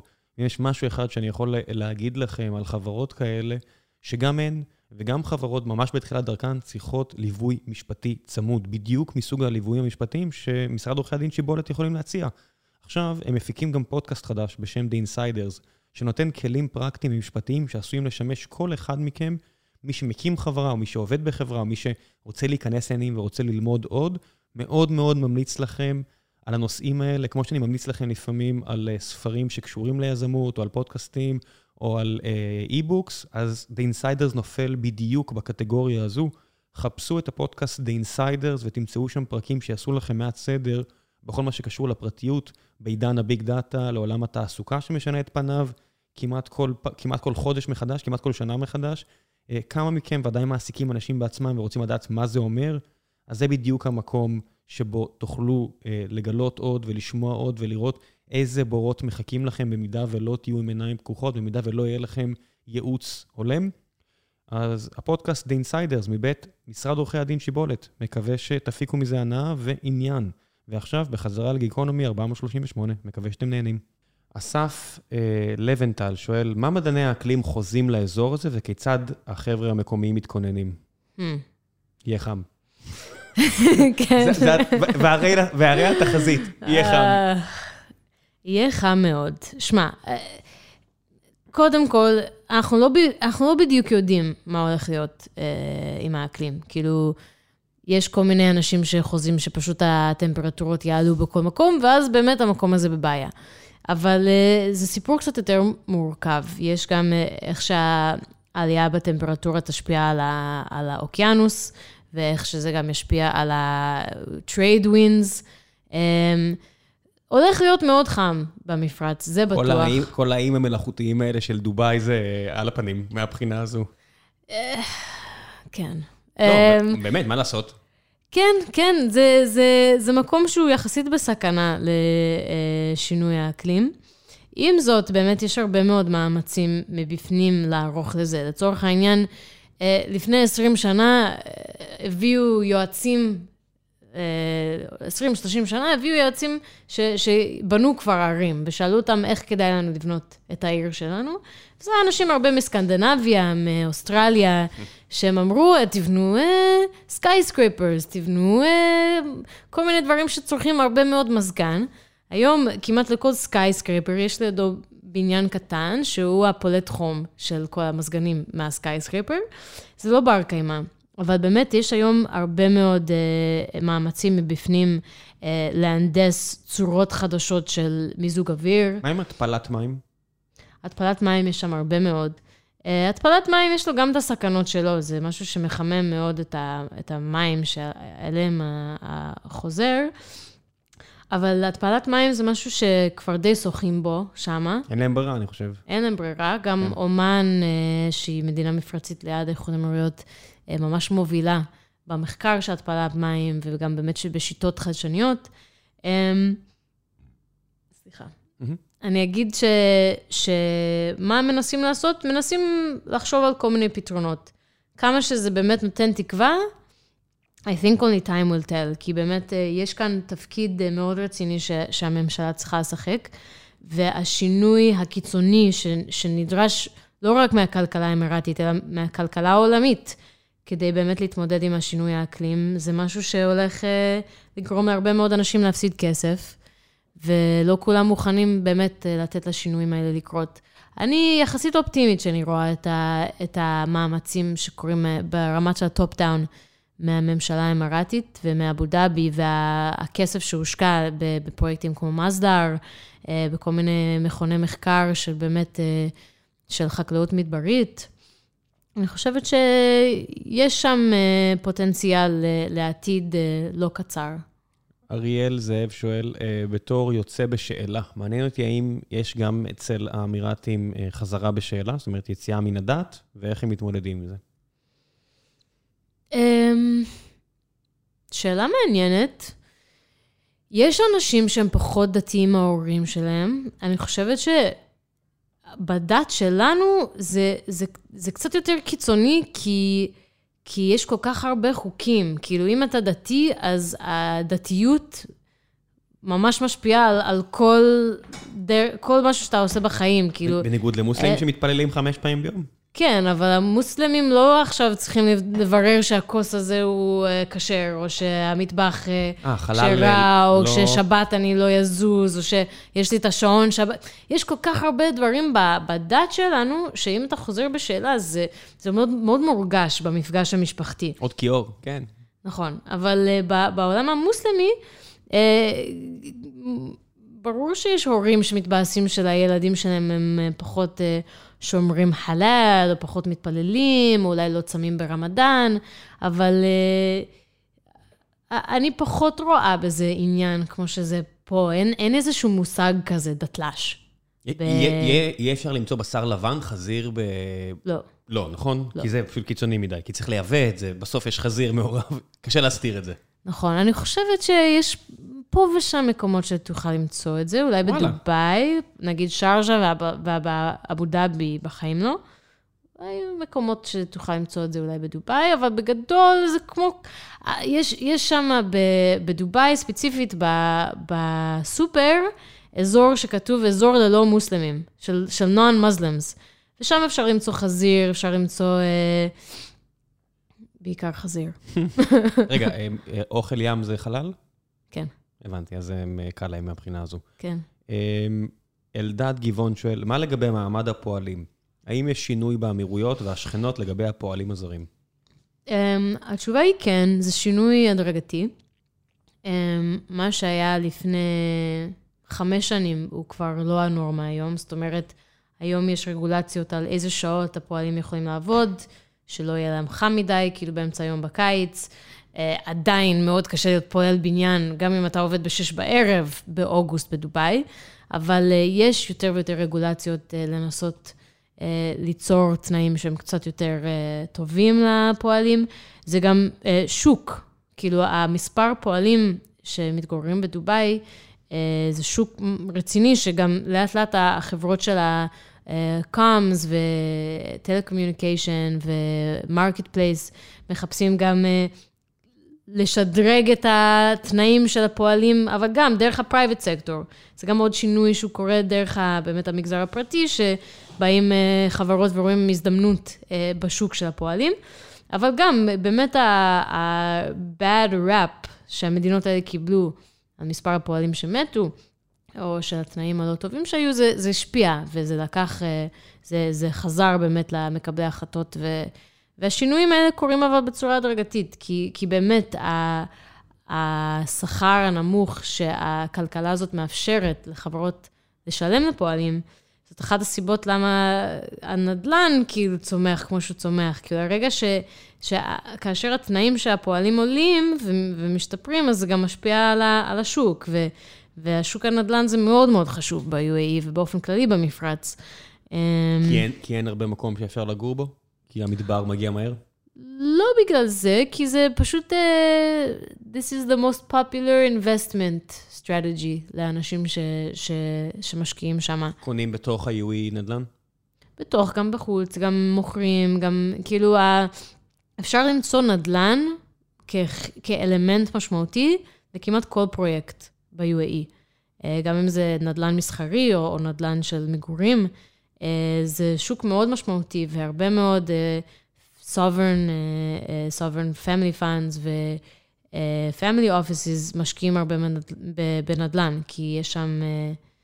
It's, it's a low risk investment, זה כמעט תמיד יהיה לזה החזר משמעותי. כן, השקעה יותר טובה מגמל מרוצים. כן. תלוי מה אתה מחפש מההשקעה שלך. כן, לא, זה עדיין ספורט פופולרי שם, לא? אה, לראות, אה, זאת אומרת, זה עדיין, מה לעשות, זה המקומי. זה חוויה מאוד מומלץ למי שמגיע לשם. זה בעיקר אבל בחורף. בקיץ הגמלים אה, צריכים לנוח. כן, כן, זה גם... בן אדם יכול לנצח גם סוס מרתון בסיטואציה, אם מספיק חם. הם לא, לא מזיעים טוב. כן. הם מזיעים נראה לי רק כמו כלבים, רק קצת מהכפות רגליים או משהו כזה. אה, לא אנחנו- מזיעים משהו. אה, אנחנו ממש טובים בלפזר חום. אה, האם האביב הערבי הורגש במפרץ, ואיך? דני בירן שואל. כן, זה הורגש. שאלה רגישה קצת. אני אגיד שהוא בעיקר, בעיקר הורגש בבחריין. היה בבחריין ממש ניסיון במהפכה, ש... הרב, בעזרת ערב הסעודית, הממשלה הבחריינית אה, השתיקה את הניסיון להפיל את השלטון שם. אמ, וזה גם הורגש ב- בזה שכאילו אחרי ה-2011, באמת אה, הרגולציות סביב היכולת אה, לתת כספים לכל מיני תנועות בחוץ מאוד השתנו, וגם השפיע לא מעט על הקשר בין מדינות המפרץ למצרים אה, ולעוד מדינות שבהן אה, היו אה, uprisings. אוקיי. אה, בוא נעשה שאלה אחרונה. איך, רועי ליברטי שואל, איך מבצע שומר החומות, המ- המלחמה האחרונה פה בעזה, היה נראה בשיח הפנים האמירתי? האם הם הסביר, איך הם הסבירו את ההסכמים לאור מה שקורה בעזה? האם זה עשה רעש? זאת אומרת. כן, אה, שאלה טובה. אה, אני הייתי בדיוק בדובאי בתקופה הזאת, ואני אגיד שזה עשה המון רעש. אה, בחיים שלי לא ראיתי תנועות של שיח פוליטי שמה. גם, גם מהאוכלוסייה האמרתית וגם מאוכלוסיות ערביות אחרות שמתגוררות שם, חלקן מאוד בעלות השפעה. Um, וגם אפילו ראיתי חלק מהעסקאות עם ישראל שהושפעו מזה, חלק בוטלו, חלק uh, הושתקו לתקופה, הלכו מתחת לרדאר. בגדול, אבל business as usual ממשיך uh, לאחר מכן. מה שכן, אני, אני כן רואה שיש יותר רצון אצל האמרתים לראות uh, עסקים ישראלים שהם מודעים פוליטית למה שקורה. אה, יש יותר רצון להיות בשותפות עם אה, חברות ישראליות שיש להן גם אלמנט ערבי, שהם אה, מעסיקים ערבים ישראלים. מה, סודה סטרים וכאלה? אה, בעצם סודה סטרים נראה לי קצת חופים בראש, כי יש להם... סודה סטרים, כן, זה סיפור קצת יותר מורכב, אבל הרצון לראות פלסטינאים שהם אזרחים של אזרחי ישראל מעורבים ב, בעסקאות שקורות בין ישראל לאיחוד האמירויות, ובאופן כללי בין העסקאות שקורות בין ישראל וה- והעולם הערבי, uh, זה שינוי משמעותי, וגם... אני יודעת, נגיד עלינו, על דנה, אנחנו צוות uh, מגוון, יש לנו uh, נשות, נשים ערביות ונשים יהודיות ביחד, וזה משהו ש, שמאוד מסקרן ומאוד עובד לטובתנו בנוגע לקשרים שלנו שם. אוקיי. אה, שאלה אחרונה, אני רוצה לשאול. כל הסיפור עם משה חוגג, וכל הסיפור הזה עם ביתר, זה עשה שם רעש? הפארסה הזו?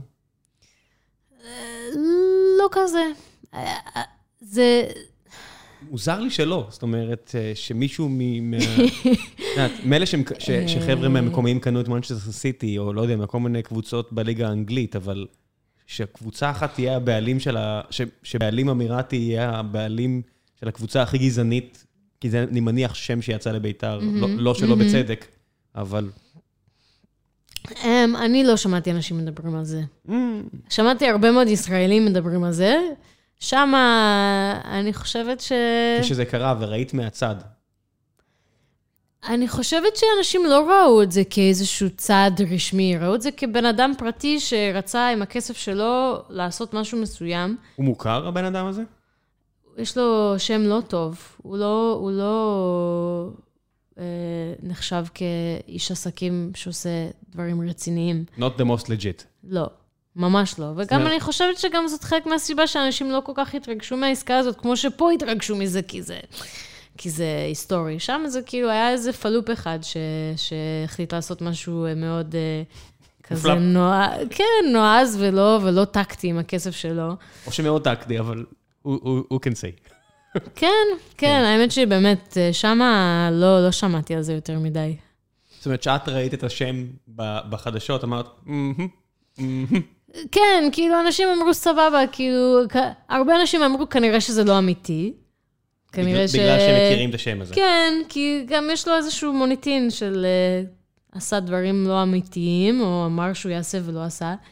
ו, ובאופן כללי, כאילו, אני חושבת שיש כל כך הרבה דברים הזויים שקורים שם, מבחינת uh, השקעות, מבחינת uh, כלכלה ו- והחלטות עסקיות שאנשים מקבלים, אז, אז זה עוד משהו. הנה הסיבה שאם אתם צריכים uh, לעשות עסקים בדובאי, קחו יועצת שיודעת להגיד לכם uh, מי, מי אמיתי ומי לא אמיתי. אני גם אשמח מאוד מאוד להזמין את כולם, uh, לא יודעת מתי הפרק הזה יוצא. היום. אה, מעולה. אז ב-13 יש לנו את האירוע ההשקה שלנו, של דנה. שלחי לי לינקים למה שאת רוצה, אני אשים הכול. אני אשלח לינקים ותעקבו עלינו אחרינו בלינקדאין. ומי שרוצה להצטרף לתנועה המהממת שאנחנו בונות, שהוא uh, תנועה של נשים, של sustainability ושל השקעות בנשים. נשים משקיעות בנשים. זה משהו שאין אותו מספיק באמת באקוסיסטם העולמי, ובטח לא במזרח תיכוני. Uh, תיצרו קשר, תצטרפו אלינו. ותבואו לראות את האירוע השקה. מגניב. ב-13. כל לינק שאת רוצה, תגידי לי, אני אוסיף. לפני שהם מסיימים, המלצות, סרטים, סדרות, אה, ספרים, כל מה שבא לך. אה, מי שרוצה לקרוא חדשות מעמיקות ואנליזה ברמה גבוהה, מה שקורה במזרח תיכון, הפורום לחשיבה אזורית זה המקום.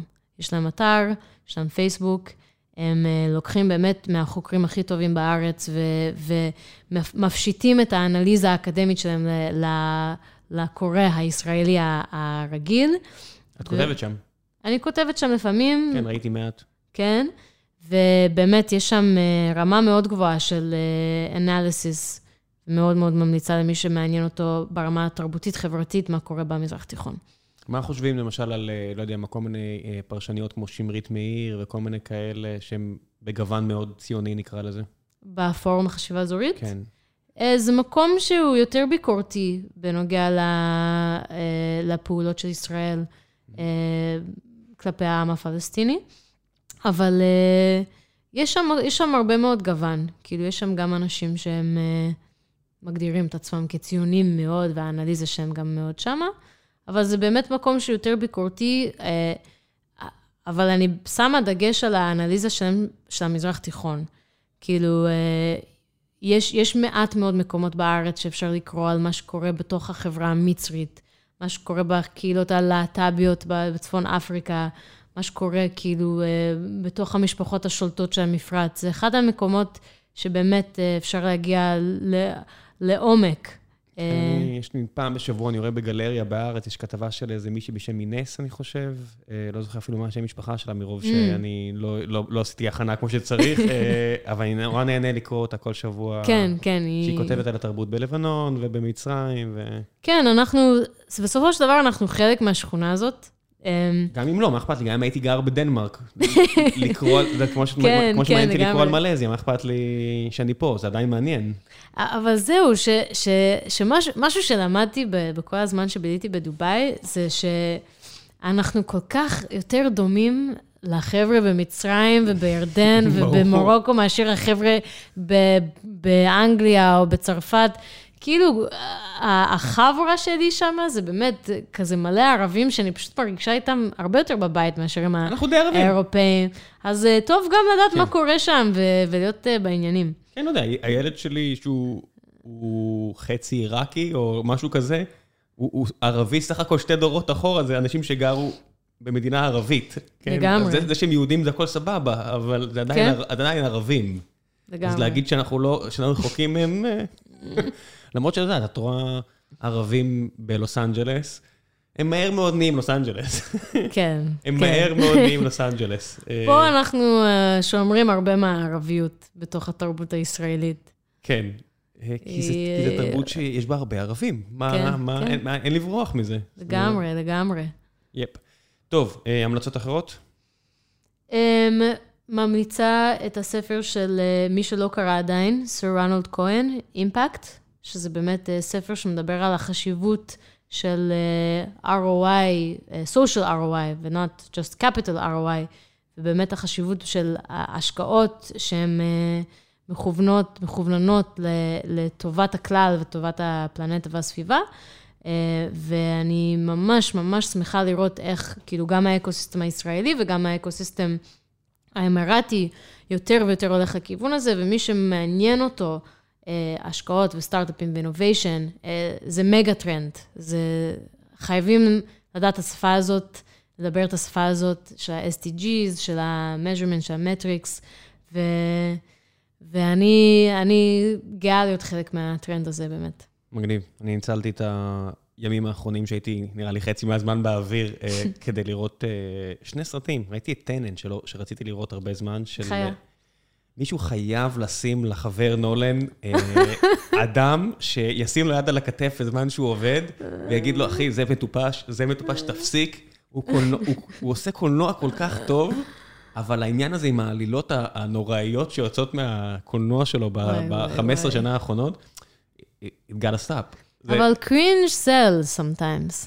סבבה, אני לא, אני לא בטוח מה, כמה זה הצליח כלכלית או לא, אבל הוא קולנוען טוב מדי מכדי להוציא סרטים כל כך מבולבלים, אה, ונראה כאילו הוא כל כך אוהב כל שוט, שהוא לא מוכן להוציא שום דבר, ואתה אומר, אחי, באמצע הסרט, אחרי העריכה זה כבר doesn't make sense, היית יכול להוציא את כל הסיפור, זה כמו טרנטינו, שמישהו צריך פשוט להגיד לו, די, אתה חייב עורכת, אתה חייב עורכת, אין, אה, אתה צריך עורכת.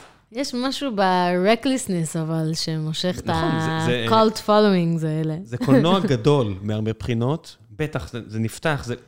רואים שזה הבן אדם שעשה את, אה, את אה, The Dark Knight, כי זה מאוד Mm. דומה, אז Mm. במקום באטמן יש פה משהו אחר, אבל הקולנוע עצמו ברמה מאוד גבוהה, אבל אני לא יכול... אה, טוב, נקווה שהוא ישמע את הסוף של ממש, הפודקאסט הזה. ממש, ממש, אני בטוח שאני גם היחידי שאומר את זה, ממש, אה, וגם ראיתי את פורד versus פורמולה, כל מיני סרטים שעם אה, זוגתי בבית, אני לא יכול, אה, אני לא- אני לא אמצא הזדמנות לראות, ומאוד נהניתי. כי מי שאוהב ספורט מוטורי, הרבה זמן רציתי לראות את זה כמו שצריך, מאוד נהניתי, וחוץ מזה אני חזרתי ל- לביוגרפיה של בן גוריון, שסיימתי אותה, ועכשיו חזרתי לכל מיני פרקים שם, ש... מומלץ? מאוד, מאוד, מאוד, זה איזה אלף עמודים מרגיש, זה לא, אז אה. בגלל, בגלל שקראתי את זה, אז פעם ראשונה, אז הרגשתי שלא, שרציתי לחזור לכל מיני חלקים, ואני חפרתי על זה פה כבר הרבה. אז חזרתי לחלק על מלחמת העצמאות, ובגלל מה שקרה בלוד עכשיו והכל, אז Mm. שמעתי את הפודקאסט של אה, שלום סדמסקי Mm. בכאן על לוד, רציתי לחזור לראות אה, איך זה נראה מהזווית של בן גוריון. טוב, אתה גם בירת הנגב, בן גוריון זה זה כן. חלק מה... כן, אבל באר שבע אף פעם לא הייתה כל כך חשובה או מעניינת מהבחי- מה- מהבחינה הזו, ולוד הרבה יותר. אה, בטח. ושאת רואה כמה מסובך זה, אנשים חושבים שזה רק עכשיו נהיה מסובך, או... לא, לא, יש לנו אה, הרבה עבודה לעשות כאן בין... לא, להפך. אה, דבר ראשון, יודע, זה כזה כמו אה, יוסי ורדי, שהמשקיע שלנו, תמיד היה נותן לי את המשפט של אה, כשאתה נמצא בבור, תפסיק לחפור. דבר ראשון, תפסיק לחפור לפני שאתה חושב על סולם, אז כנ"ל. דבר ראשון, let's stop digging את הבור הזה. לפני ש... אהבתי, אהבתי. כן. טוב, זהו, נסיים, אה, נסיים בעוד אמרה של יוסי ורדי. אני, אני נוטה לה- להגזים עם אלו. אוקיי. יאללה, תודה רבה רבה. תודה רבה על ההזדמנות, ותודה למי שהקשיב עד הסוף. ויש לי נראה לי כמה חיבורים לעשות לך. אז יאללה, תודה. ביי. ביי ביי.